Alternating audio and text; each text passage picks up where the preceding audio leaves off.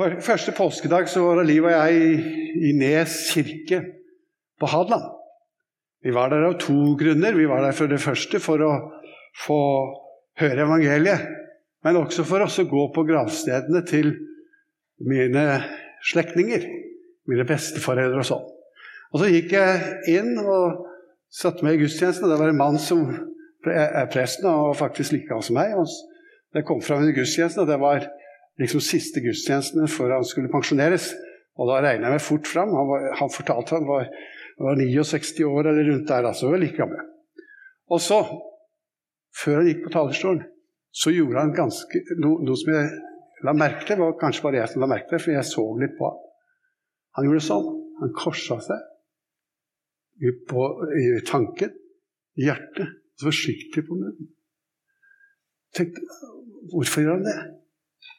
Han hadde tenkt å innvie sine tanker, sitt, sine følelser, sitt indre til Jesus, slik at det som kom ut, det hadde med Jesus å gjøre, med budskapet for første påskedag. Han holdt en fantastisk preken, denne presten.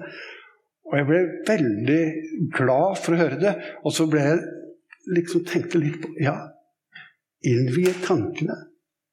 Innvie hjertet og be om at våre ord også er innviet, det er ganske meningsfylt. Også når vi preker, og når vi uansett nesten hva vi gjør som kristne. La oss be. Herre Jesus Kristus, vi kommer fram til deg nå og ber om din nåde. Ber om din velsignelse. Og ber om at vi må få lov til å være innvidd til deg, både i vårt tankeliv og følelsesliv og at våre ord må være velsignet av deg. Herre Jesus, jeg ber for denne andakten at du må velsigne den og gjøre det slik at det blir til nytte for oss alle sammen. Amen.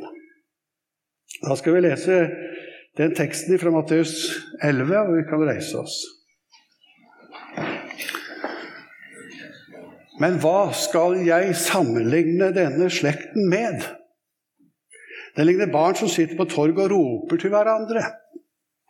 Vi spilte på fløyte for dere, men dere ville ikke danse. Vi sang klagesanger, men dere ville ikke sørge. For Johannes kom. Han verken spiste eller drakk, og folket sier han har en ond ånd i seg. Menneskesønnen kom. Han spiser og drikker, og de sier, se for en storheter og vindrikker.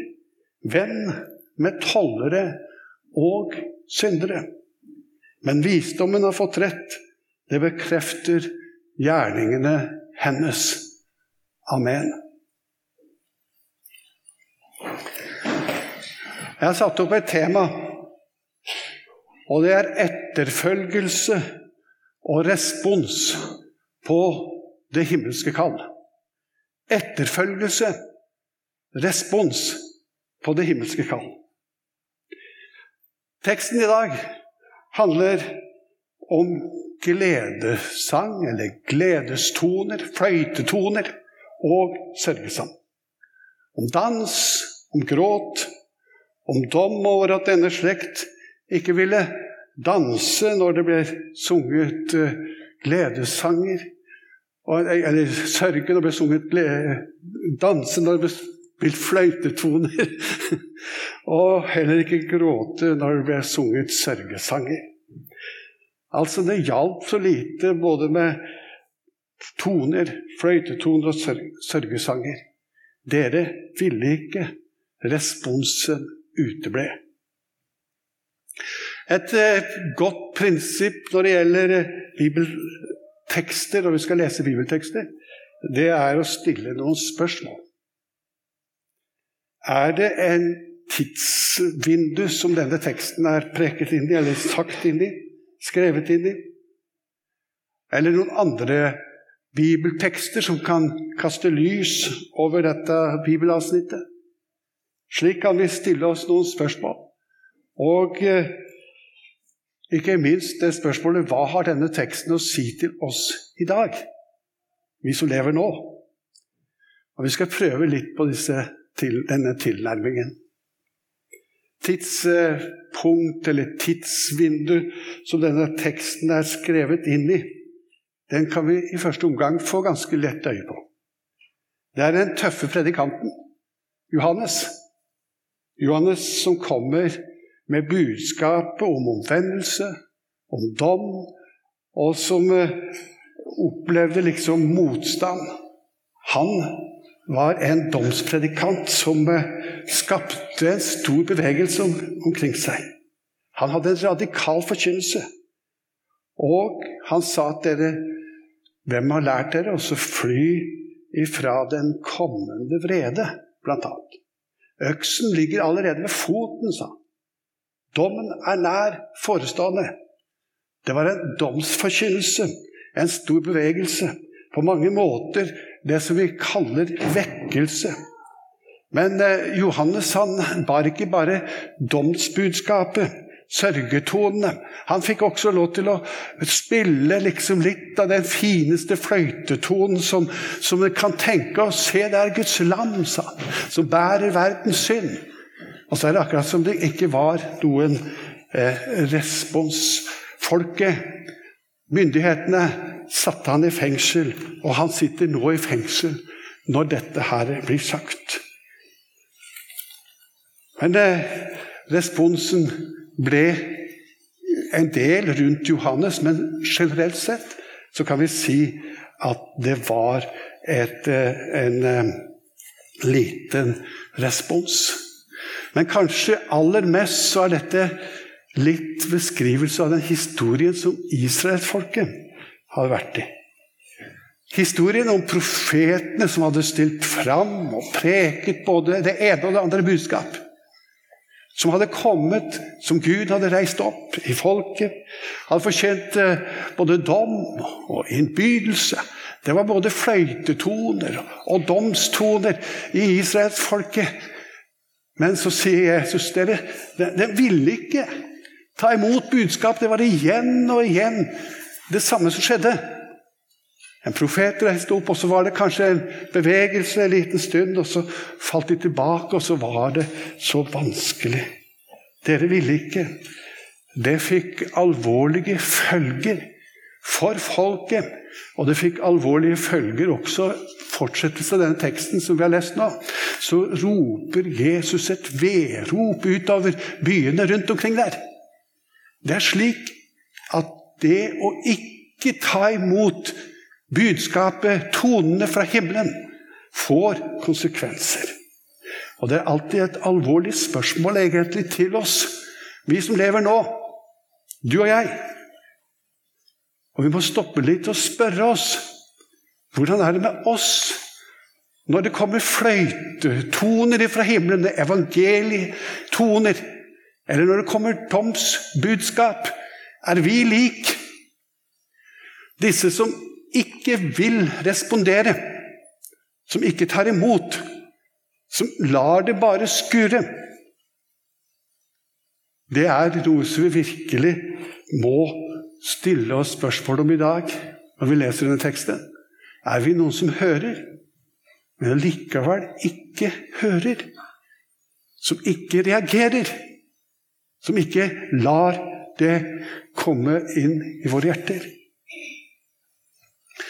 Men eh, Kirken, Guds menighet, det har vokst. Det ser vi. Så det er dog noen som har hørt. Det er mange som har hørt. Og hva er hemmeligheten i nettopp dette at det er noen som hører? Og så er det så mange som ikke hører. Hvor ligger det? Dette har jeg lurt litt på.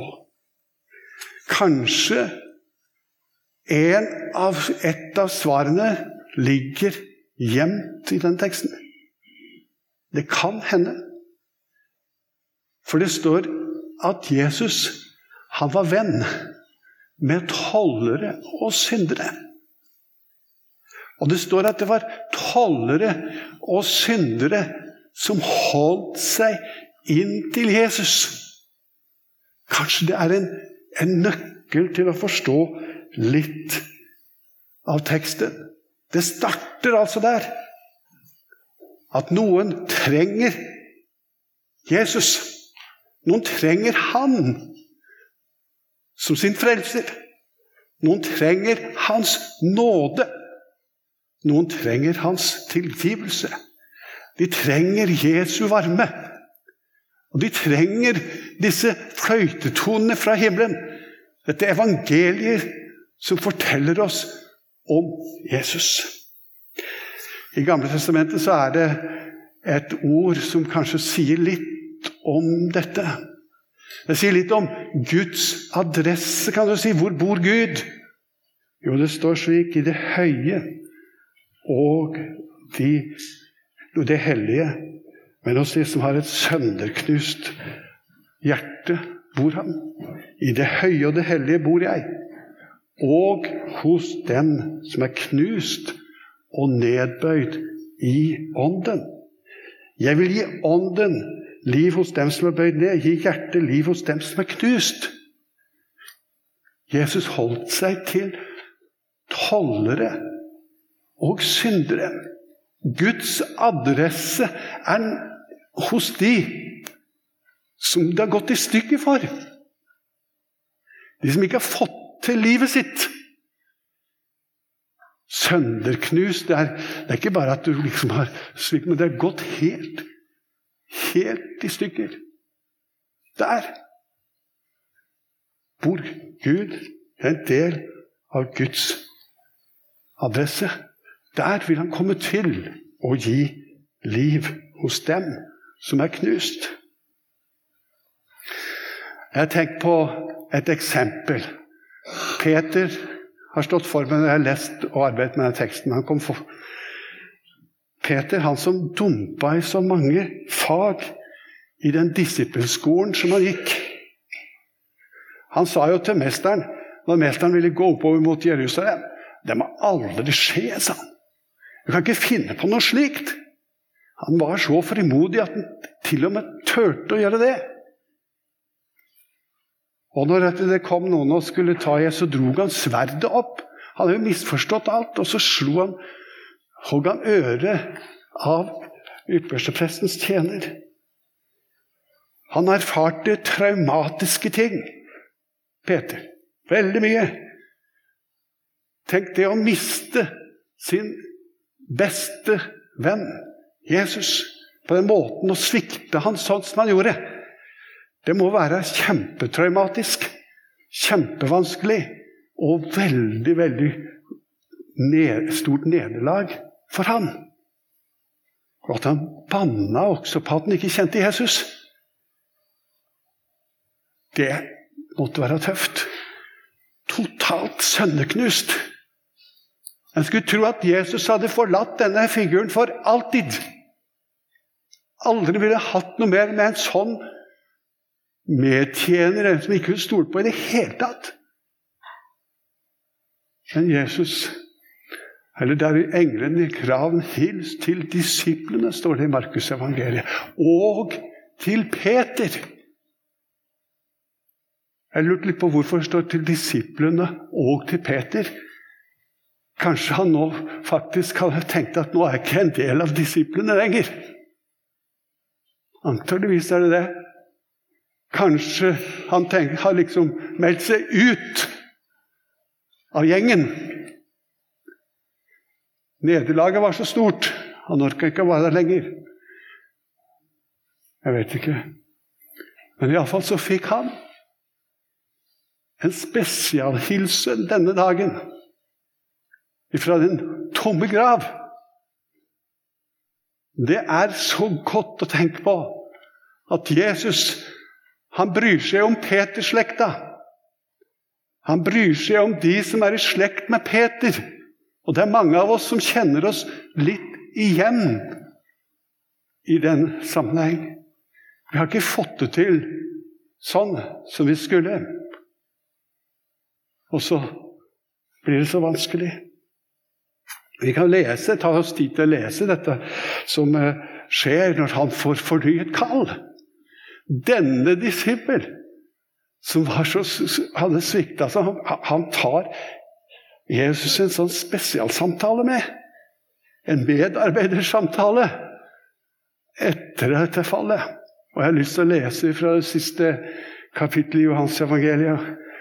Det er så sterkt og fint at vi tåler å høre det igjen og igjen.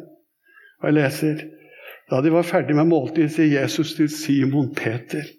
Simon, sønn av Johannes, elsker du meg mer enn disse? Han svarte, ja, Herre, du vet at jeg har deg kjær. Jesus sier til ham, fø lammene mine. Igjen for annen gang sier han, Simon, sønn av Johannes, elsker du meg?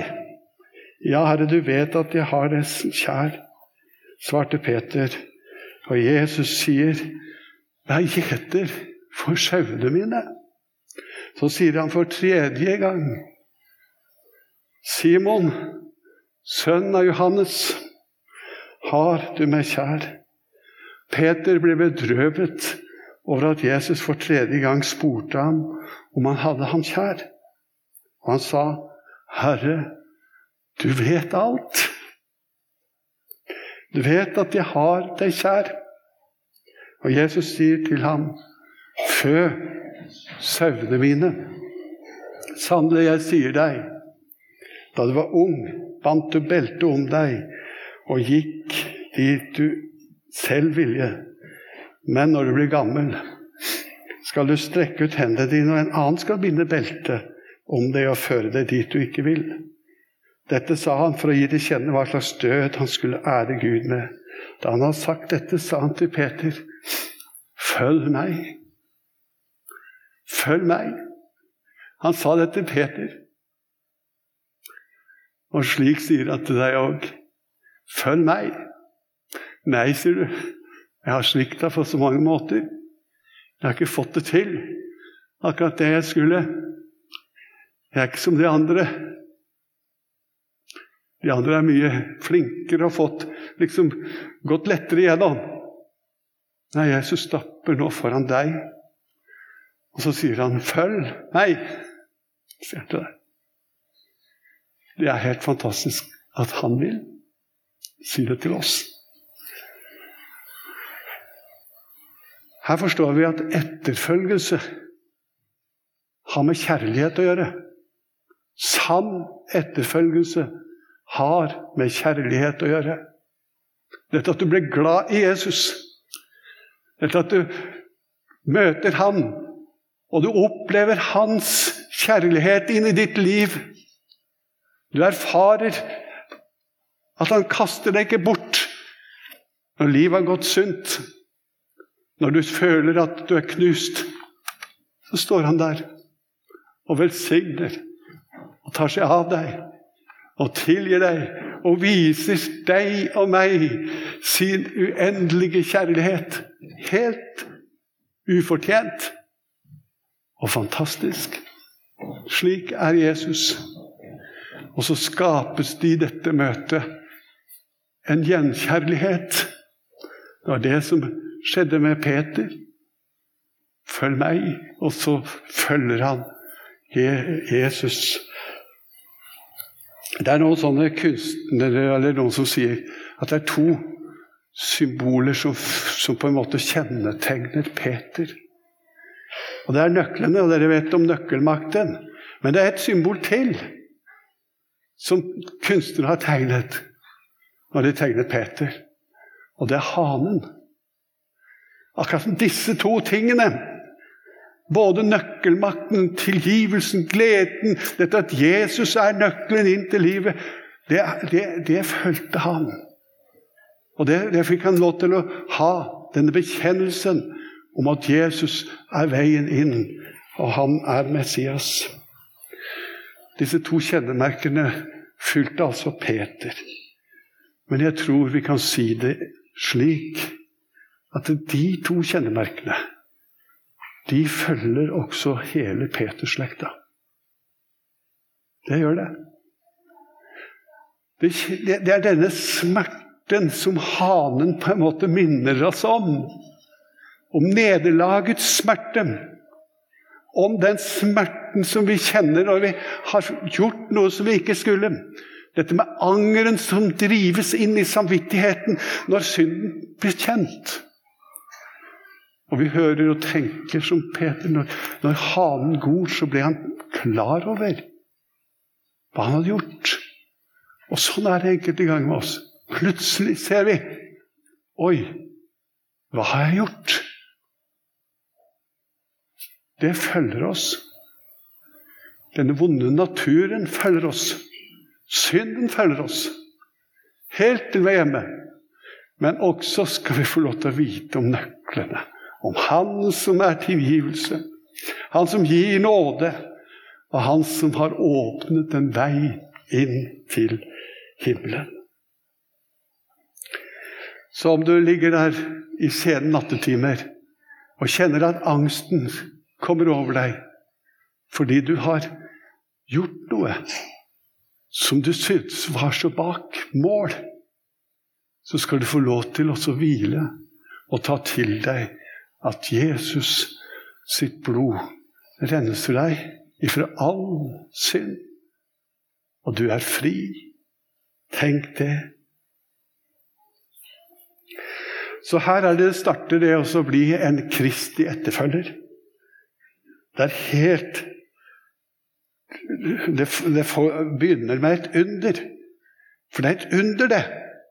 Når du kommer og, og hører det budskapet om at dine synder er deg tilgitt. Det er egentlig et Guds under. For alle som hører det, og tar imot det, har fått troen i sitt hjerte og blir født på ny. Det er det grunnleggende møtet.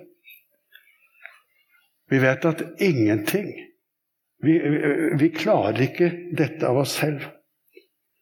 Så Jesus han forutsetter at dette underet skjer med oss. For han sier at det er vanskelig, sier han, for en kamel å gå igjennom et nåløye. Det er helt umulig, det. Men for mennesker er det umulig. Men for Gud er alt mulig. Hva skal da til for at du og jeg skal bli etterfølgere? Han kaller oss i dag til å stoppe opp. Det er det tekstene på en måte snakker om. De ville ikke stoppe opp og lytte verken til fløytetoner eller til sørgesang. De, de, de bare dro videre på en måte. I full kaos. Men ved gudstjenesten i dag så kalles du og jeg til å stoppe og lytte. Og lytte etter de tonene som kommer fra himmelen. Fløytetonene som forteller deg om din stilling i Kristus Jesus. Men òg sørgetonene som, som, forteller deg om hvem det er. Det kaller deg til å stoppe opp. Vi har det så travelt i vår tid. Vi, vi, vi kjører på, og vi hører lyder alle steder. Vi får aldri liksom stillheten til å senke seg innover oss. Men jeg tror Jesus kaller oss nå i denne tid til å stanse opp og la Guds ord, budskapet fra himmelen, komme til oss, slik at vi hører de himmelske toner. Og vi hører både ordet til dom og til frelse.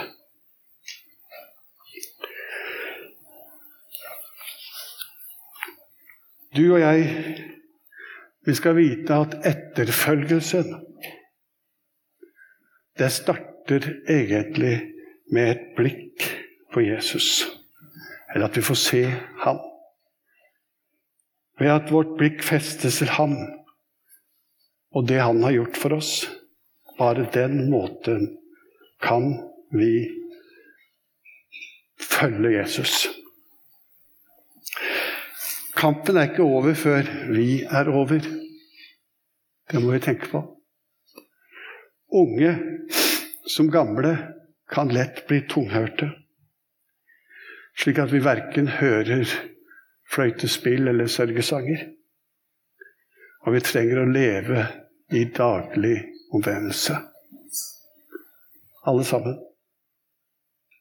Amen.